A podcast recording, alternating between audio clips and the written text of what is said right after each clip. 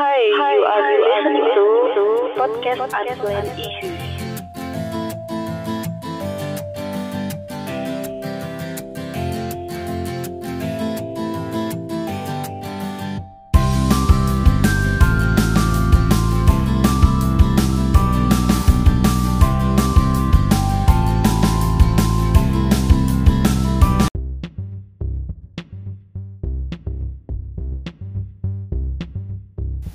Halo teman-teman, hari ini tanggal 3 Mei 2021 uh, Udah hampir sebulan lebih sejak podcast yang terakhir Meskipun rencananya maunya terbitnya sebulan sekali. Tapi ya gitulah. Um, Sebelumnya aku mau ngucapin selamat menunaikan ibadah puasa buat teman-teman yang lagi menjalanin uh, Hari ini bahasannya soal privilege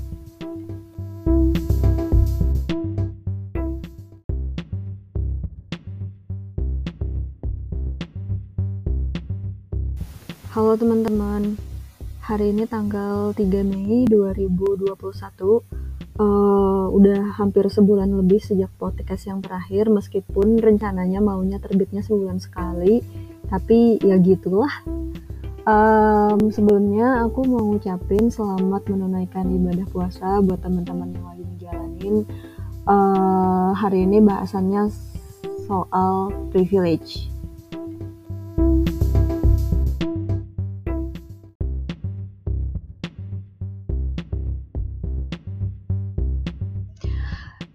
privilege secara general itu definisinya hak istimewa atau keberuntungan yang bikin jalan hidup dan proses yang dilalui seseorang itu jauh lebih mudah. Intinya kayak shortcut gitulah dalam hidup. Nah, privilege itu sendiri sekarang udah ada serapan bahasa Indonesianya yaitu privilege, tapi uh, kayaknya kata privilege masih uh, lebih common digunain meskipun itu dari bahasa Inggris. Nah, privilege secara general itu terdiri dari beberapa kategori yang bisa dilihat dengan kasat mata. Uh, yang pertama itu ability atau punya fisik yang sempurna dan tidak cacat. Uh, mungkin hampir semua dari kita itu uh, privilege soal ini. Terus um, sosial ekonomi, kelas sosial ini bisa jadi karena emang uh, dia emang udah keturunan punya dari kelas sosial yang bagus, dari ke ekonomi kelas atas atau emang misalnya setelah uh, dia berusaha terus dia jadi punya kelas ekonomi sosial yang bagus, terus anaknya punya privilege uh, status ekonomi dan status sosial. Terus uh, selanjutnya education um, mungkin punya pendidikan minimal di S1 itu bisa dibilang kita termasuk kategori privilege. Uh, dan kategori selanjutnya itu di gender. Meskipun banyak orang yang uh, bilang kalau misalnya cowok itu punya privilege lebih dibanding cewek uh, in some case yes. Tapi uh, itu nanti pembagiannya kayak bisa beberapa uh, perspektif lagi. Tapi secara general uh, mereka bilang sih kayak gitu uh, terus religion dan culture uh, religion dan culture di sini tuh maksudnya biasanya kayak orang-orang Uh, dengan religion dan culture yang mayoritas itu biasanya juga punya privilege lebih. Uh, terus selanjutnya networking dan nationality.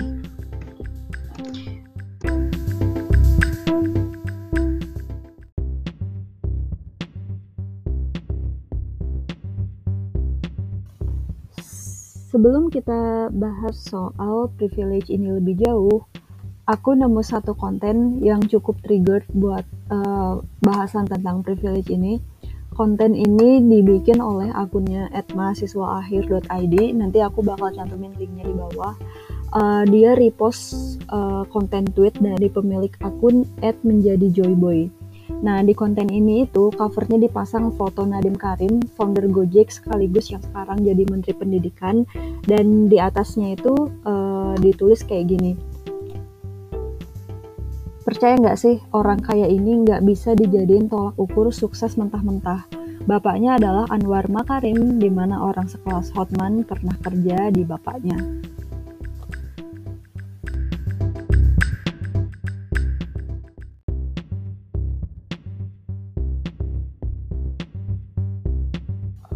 Selain itu, kalau misalnya kalian juga pernah nonton filmnya Sky Castle, nah di situ diceritain gimana satu tutor yang disewa sama orang tua kalangan ekonomi kelas atas. Itu bukan cuma tutor yang talented, tapi dia juga punya koneksi ke berbagai penyelenggara kompetisi uh, nanti si anak uh, bimbingannya itu bakal diatur sedemikian rupa supaya dia bisa menangin beberapa kompetisi internasional. Bisa juga si anak tersebut bisa jadi uh, diatur sedemikian rupa sampai akhirnya dipilih jadi pemangku jabatan di sekolahnya. Misalnya kalau masih SMA itu uh, menjabat jadi ketua OSIS dan lain-lain gitu. Itu semua tuh beneran uh, ada beberapa yang emang udah disetting kayak gitu uh, meskipun di film ini juga diceritain sih di mana ada satu anak yang gak pernah ikut les dan gak ikut tutor akhirnya bisa dapat peringkat tertinggi juga. Itu mungkin lesson learn yang bisa diambil dari film ini. Tapi aku juga nggak nonton film ini sampai habis tapi ini juga kayak terjadi di dunia nyata sih kalau menurut aku karena uh, salah satu komentar di postingan tadi itu juga ada yang bilang uh, kalau misalnya emang gerasa nggak punya privilege bisa masuk instansi pemerintahan kayak misalnya stan yang di mana itu peluang kerjanya bagus dan bla bla bla segala macam di mana aku juga kemarin uh, punya saudara sepupu aku sendiri yang emang dia uh, berniat buat daftar ke STAN. Nah, ternyata di balik pendaftaran STAN itu emang ada kursus tertentu yang harganya tuh beragam gitu dari mulai ratusan ribu sampai jutaan. Di mana perbedaannya juga katanya sih terletak dari peluang keterimanya. Semakin mahal itu peluang keterimanya semakin besar.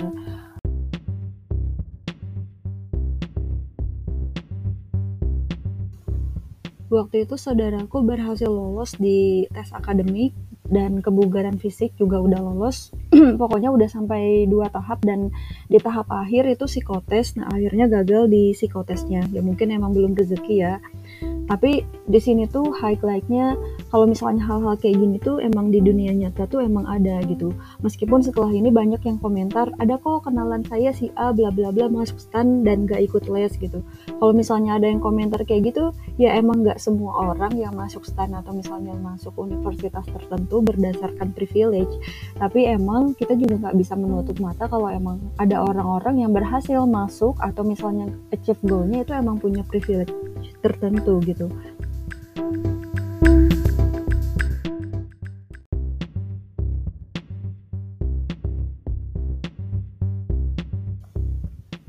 Oke, jadi poin pertama itu belajar bahasa Inggris atau bahasa-bahasa asing lainnya. Ya minimal at least bahasa Inggris dulu lah ya. Karena uh, kayak yang kita tahu waktu kita kuliah pun kita diminta buat uh, dosen-dosen kita bakal lebih preference buat cari jurnal-jurnal internasional. Uh, karena uh, anggapannya kalau misalnya jurnal-jurnal lokal itu kayak emang hasil penelitiannya belum sekomplit dari jurnal-jurnal dari luar gitu.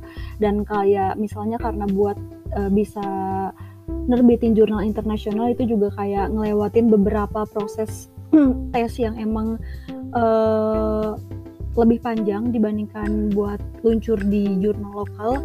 Jadi jurnal-jurnal berbahasa Inggris dan emang tarafnya lebih internasional itu kayak lebih trusted aja sih jadinya. dan kayak yang kita tahu kayak misalnya kayak di dunia karir tadi ada kejompangan dari segi salary. Nah, itu kan juga bisa diminimalisir kalau misalnya kita belajar bahasa Inggris. Dengan belajar bahasa Inggris, kita bisa dapat peluang-peluang karir baru, peluang-peluang kesempatan yang baru kita juga ya intinya kayak memperluas networking juga sih memperluas opportunity juga. Yang mungkin tadinya kita di profesi tertentu dapat gaji sesuai standar dari rate-nya di Indonesia. Kalau kita belajar bahasa Inggris kita bisa cari freelance atau remote working dari luar yang kita juga nggak perlu ke sana. Dan uh, kita bisa dapat gaji lebih tinggi kayak gitu dengan profesi yang sama. Yang kedua itu rajin nambah skill baru dan upgrade skill lama uh, ya intinya di dunia sekarang apalagi di era digitalisasi ini kayak semua perubahan tuh bener-bener berjalan cepet banget.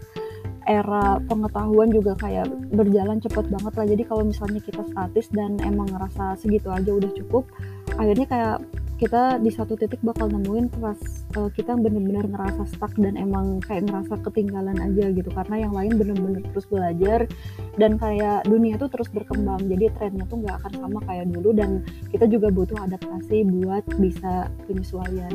Jadi belajar skill baru dan juga mempertajam skill-skill lama yang kita punya itu menurut aku nggak cuman kayak belajar belajar hal-hal yang terlalu serius itu bisa dimulai dari hal-hal yang ringan misalnya kayak belajar fotografi itu juga bisa jadi pengalihan ketika kita benar-benar jenuh sama profesi atau dunia kerja kita yang sekarang.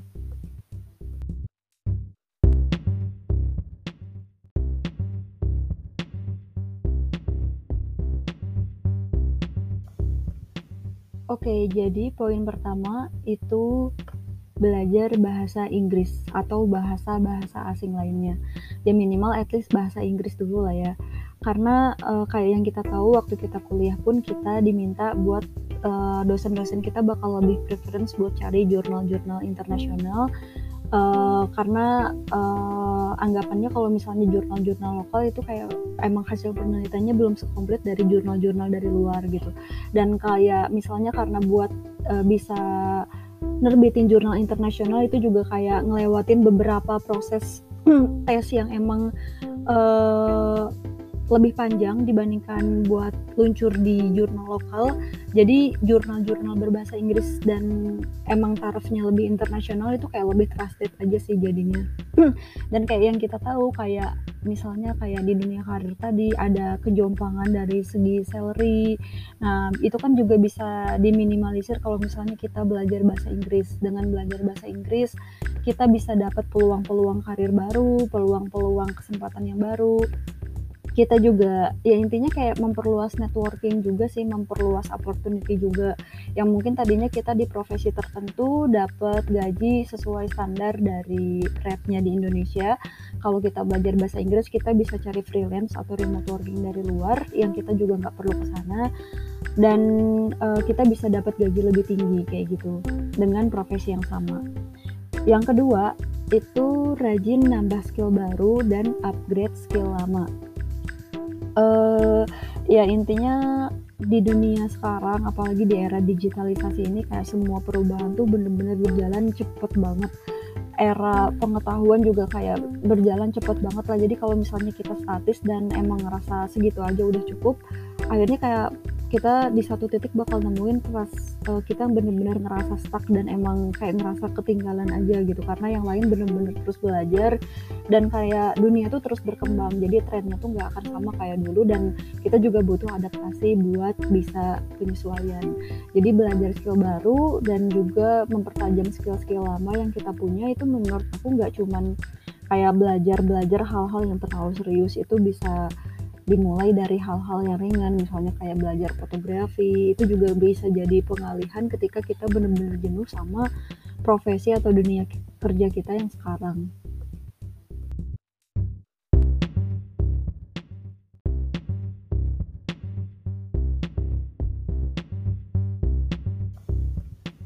Oke, jadi poin pertama itu belajar bahasa Inggris atau bahasa-bahasa asing lainnya. Ya minimal at least bahasa Inggris dulu lah ya.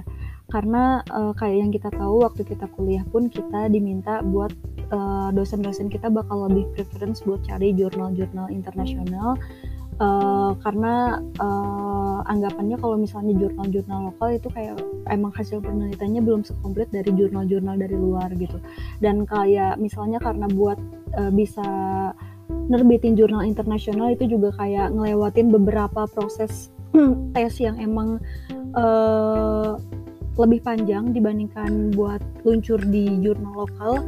Jadi jurnal-jurnal berbahasa Inggris dan emang tarafnya lebih internasional itu kayak lebih trusted aja sih jadinya.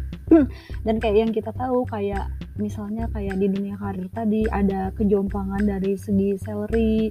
Nah, itu kan juga bisa diminimalisir kalau misalnya kita belajar bahasa Inggris. Dengan belajar bahasa Inggris, kita bisa dapat peluang-peluang karir baru, peluang-peluang kesempatan yang baru kita juga ya intinya kayak memperluas networking juga sih memperluas opportunity juga.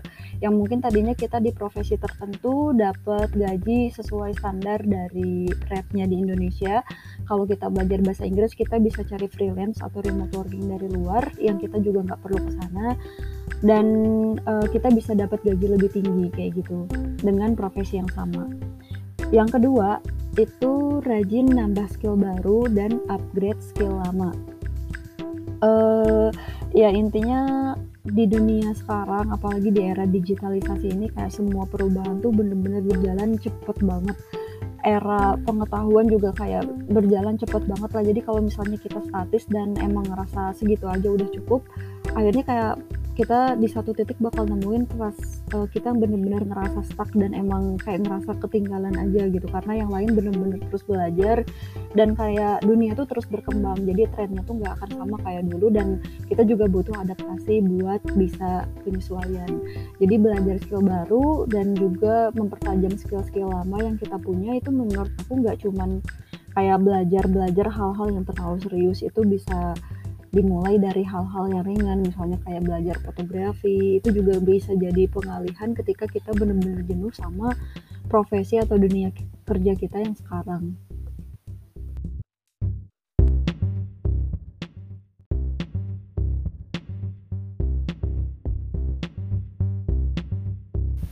Poin selanjutnya itu perluas networking.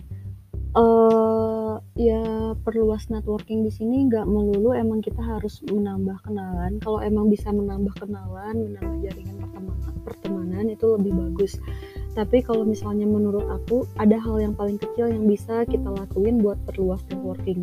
Sesimpel kayak kita revisi list following kita di sosial media. Uh, mungkin ada public public figure yang kita follow dan uh, awalnya sih follow followan aja awalnya follow dan kayak kita cuma jadi stalkernya mereka kita cuma merhatiin uh, konten-kontennya mereka gitu. Tapi pada akhirnya mungkin suatu hari kita bakal uh, tiba-tiba dapat ide dan tiba-tiba bisa kolaborasi sampai akhirnya bener-bener jadi temen. Jadi kayak uh, ya pada akhirnya networking juga uh, didapat nggak cuman bener-bener karena kita uh, udah deket dari awal sama orang tertentu. Atau misalnya bener-bener dapat karena kita satu pergaulan ada di satu pergaulan yang sama. Tapi gimana caranya kita memperluas networking gitu juga. Itu juga bisa dimulai dari uh, list-list yang kita follow di uh, entah itu akun-akun yang kita subscribe di YouTube, TikTok, Instagram dan lain-lain. Uh, nah terus uh, poin lainnya itu menurut aku yang bisa ngurangin gap privilege itu punya self awareness dan punya self respect. Kenapa punya self awareness dan punya self respect itu privilege? Uh, karena menurut aku kenal diri sendiri itu penting di mana kita bakal sadar kelebihan kita apa, uh, kekurangan kita apa, kita bagusnya di mana sih, poin-poin yang bidang bidang-bidang mana yang kita bisa bagus bahkan tanpa effort atau bidang-bidang mana yang kita udah effort abis-abisan tapi tetap nggak bisa unggul di situ pada akhirnya kalau misalnya kita kenal kelemahan dan kekuatan diri sendiri kita lebih nggak banding bandingin aja sih sama uh, nasibnya orang lain. Karena biasanya kan kita sering bandingin kekurangan kita sama kelebihannya orang lain. Yang itu sebenarnya nggak apple to apple aja gitu nggak fair aja. Harusnya kan bandingin kelebihan sama kelebihan lagi kelemahan sama kelemahan lagi. Supaya kita juga nggak jadi minder dan insecure sama orang lain. Ya intinya kayak gitu. Jadi kalau misalnya orang-orang yang udah kenal diri sendiri itu juga menurut aku termasuk satu privilege. Karena nggak semua orang bisa kenal dirinya dengan baik. Terus pada akhirnya insecure dan jadi people pleaser. Akhirnya ngikut-ngikut standarnya standar sosial. Sosial maunya kayak gimana ya udah ngikut-ngikut aja. Kayak gitu tanpa punya standar sendiri.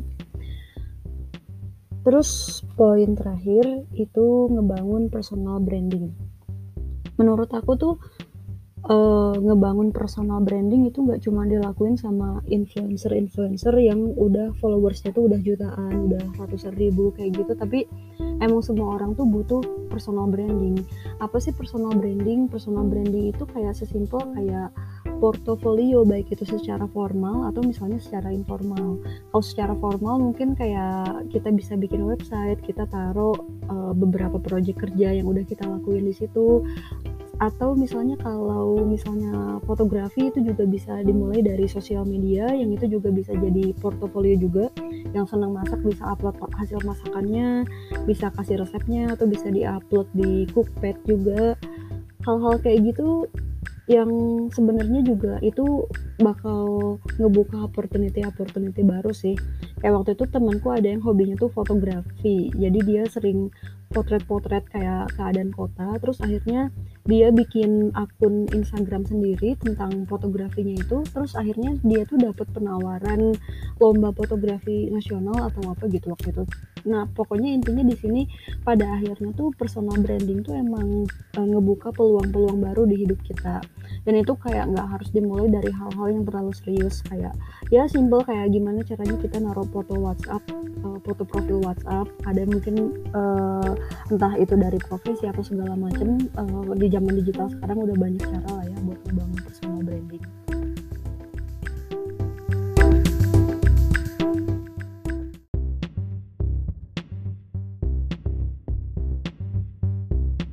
Ya, poin-poin tersebut uh, harapannya sih bisa sedikit mengurangi gap privilege yang ada uh, dan mungkin juga ada tambahan poin-poin yang lain dari teman-teman juga.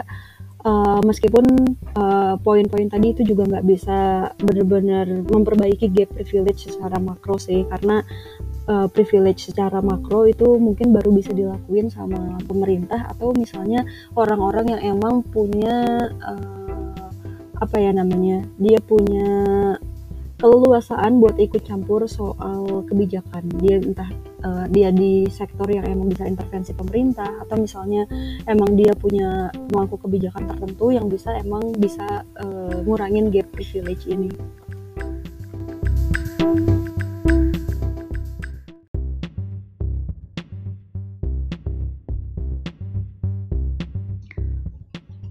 Oke, okay, di akhir aku bakal kasih satu link tambahan. Ini ceritanya video soal sosial eksperimen tentang privilege.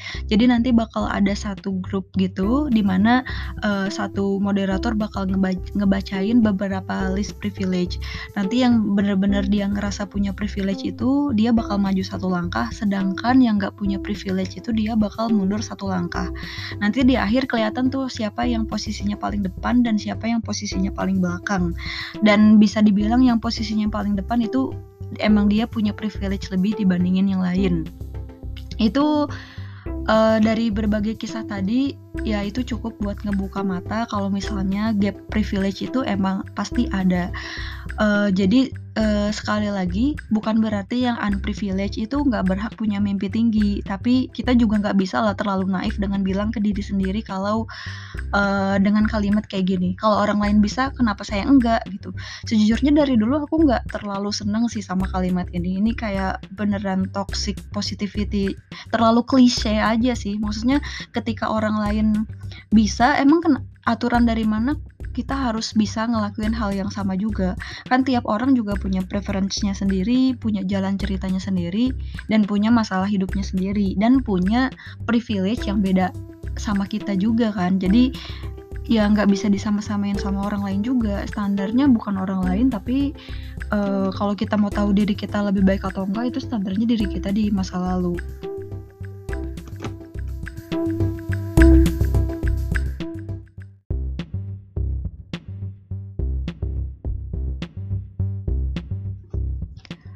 kesimpulannya um, dari podcast ini um, menurut aku kita sih harus sadar titik start kita di mana uh, privilege kita privilege yang kita punya apa yang kita nggak punya apa. Kalau udah baru deh kita bisa cari hal-hal yang bisa dilakuin uh, buat ngurangin dari gap privilege itu. Um, privilege itu nggak sama kayak cheating. Jadi sebenarnya itu nggak apa-apa. Kalau misalnya emang kita punya privilege ya akuin aja. Disyukurin aja toh itu bukan sesuatu yang salah dan gak harus denial juga sama privilege yang kita punya Nah, kalau misalnya kita di sektor-sektor tertentu ngerasa di kelompok-kelompok yang emang unprivileged, ya kita bisa coba lakuin hal yang mungkin bisa ngurangin gap privilege itu, atau kita juga bisa temuin privilege versi kita sendiri. Karena pada akhirnya kita juga nggak bisa ngikut-ngikut standar orang lain soal privilege ini, kita harus punya versi sukses kita sendiri, versi privilege kita sendiri yang mungkin orang lain nggak paham tapi kita paham dan yang punya privilege um, nggak perlu sewot juga ketika orang-orang bilang ya iyalah dia bisa sukses bla bla bla segala macam dan nyebutin privilege privilege yang emang kita punya um, ya mungkin emang mungkin kita emang harus lebih bersyukur aja sama privilege yang kita punya. Dan yang unprivilege juga sebenarnya nggak menutup kemungkinan kok buat dapat keberuntungan ketika emang Tuhan nilai kita layak. Banyak kan kisah-kisah di luar sana yang emang akhirnya awalnya tuh dia jadi dari unprivilege tapi setelah berdarah-darah akhirnya dikasih satu keajaiban sama Tuhan yang itu tuh di mana jadi satu titik balik dalam hidupnya. Bukan nggak mungkin kayak gitu um, entah kita kelompok privilege ataupun underprivilege uh, menurut aku gimana caranya kita saling menjembatani uh, supaya gap privilege ini makin sempit makin makin kecil gitu gapnya yang punya privilege mungkin um, harusnya bisa lebih ngebantu gimana caranya yang kelompok uh, under privilege ini juga bisa ngerasain privilege yang sama dan yang under privilege juga bisa banyak belajar dari orang-orang yang privilege itu karena nggak seenak yang kelihatannya. Orang-orang yang punya privilege lebih pasti punya beban dan moral beban moral yang lebih tinggi juga. Jadi itu nggak seenak yang emang kita lihat secara kasat mata aja. Dan menurut aku sih privilege itu sifatnya tetap gak permanen sebesar apa pun privilege yang kita punya. Jadi yang penting gimana caranya kita bersyukur sama diri sendiri dan yakin kalau misalnya apa yang kita punya sekarang itu udah cukup.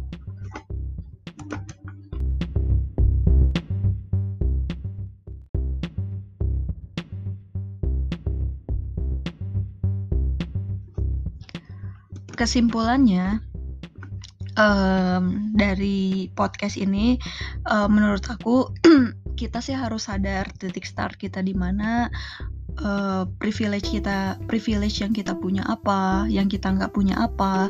Kalau udah baru deh kita bisa cari hal-hal yang bisa dilakuin uh, buat ngurangin dari gap privilege itu. Um, privilege itu nggak sama kayak cheating. Jadi sebenarnya itu nggak apa-apa. Kalau misalnya emang kita punya privilege ya akuin aja. Disyukurin aja toh itu bukan sesuatu yang salah dan gak harus denial juga sama privilege yang kita punya Nah, kalau misalnya kita di sektor-sektor tertentu ngerasa di kelompok-kelompok yang emang unprivileged, ya kita bisa coba lakuin hal yang mungkin bisa ngurangin gap privilege itu, atau kita juga bisa temuin privilege versi kita sendiri. Karena pada akhirnya kita juga nggak bisa ngikut-ngikut standar orang lain soal privilege ini, kita harus punya versi sukses kita sendiri, versi privilege kita sendiri yang mungkin orang lain nggak paham tapi kita paham dan yang punya privilege um, nggak perlu sewot juga ketika orang-orang bilang ya iyalah dia bisa sukses bla bla bla segala macam dan nyebutin privilege privilege yang emang kita punya. Um, ya mungkin emang mungkin kita emang harus lebih bersyukur aja sama privilege yang kita punya. Dan yang unprivilege juga sebenarnya nggak menutup kemungkinan kok buat dapat keberuntungan ketika emang Tuhan nilai kita layak. Banyak kan kisah-kisah di luar sana yang emang akhirnya awalnya tuh dia jadi dari unprivilege tapi setelah berdarah-darah akhirnya dikasih satu keajaiban sama Tuhan yang itu tuh di mana jadi satu titik balik dalam hidupnya.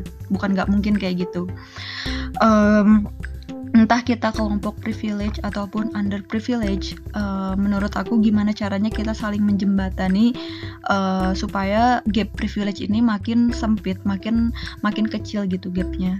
Yang punya privilege mungkin um, harusnya bisa lebih ngebantu gimana caranya yang kelompok uh, under privilege ini juga bisa ngerasain privilege yang sama dan yang under privilege juga bisa banyak belajar dari orang-orang yang privilege itu karena nggak seenak yang kelihatannya. Orang-orang yang punya privilege lebih pasti punya beban dan moral beban moral yang lebih tinggi juga. Jadi itu nggak seenak yang emang kita lihat secara kasat mata aja. Dan menurut aku sih privilege itu sifatnya tetap gak permanen sebesar apa pun privilege yang kita punya. Jadi yang penting gimana caranya kita bersyukur sama diri sendiri dan yakin kalau misalnya apa yang kita punya sekarang itu udah cukup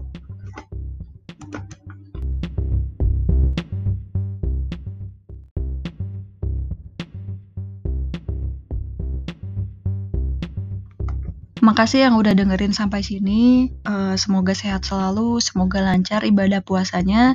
Uh, semoga senantiasa diberi kebahagiaan dan senantiasa bisa bersyukur sama apa yang kita punya.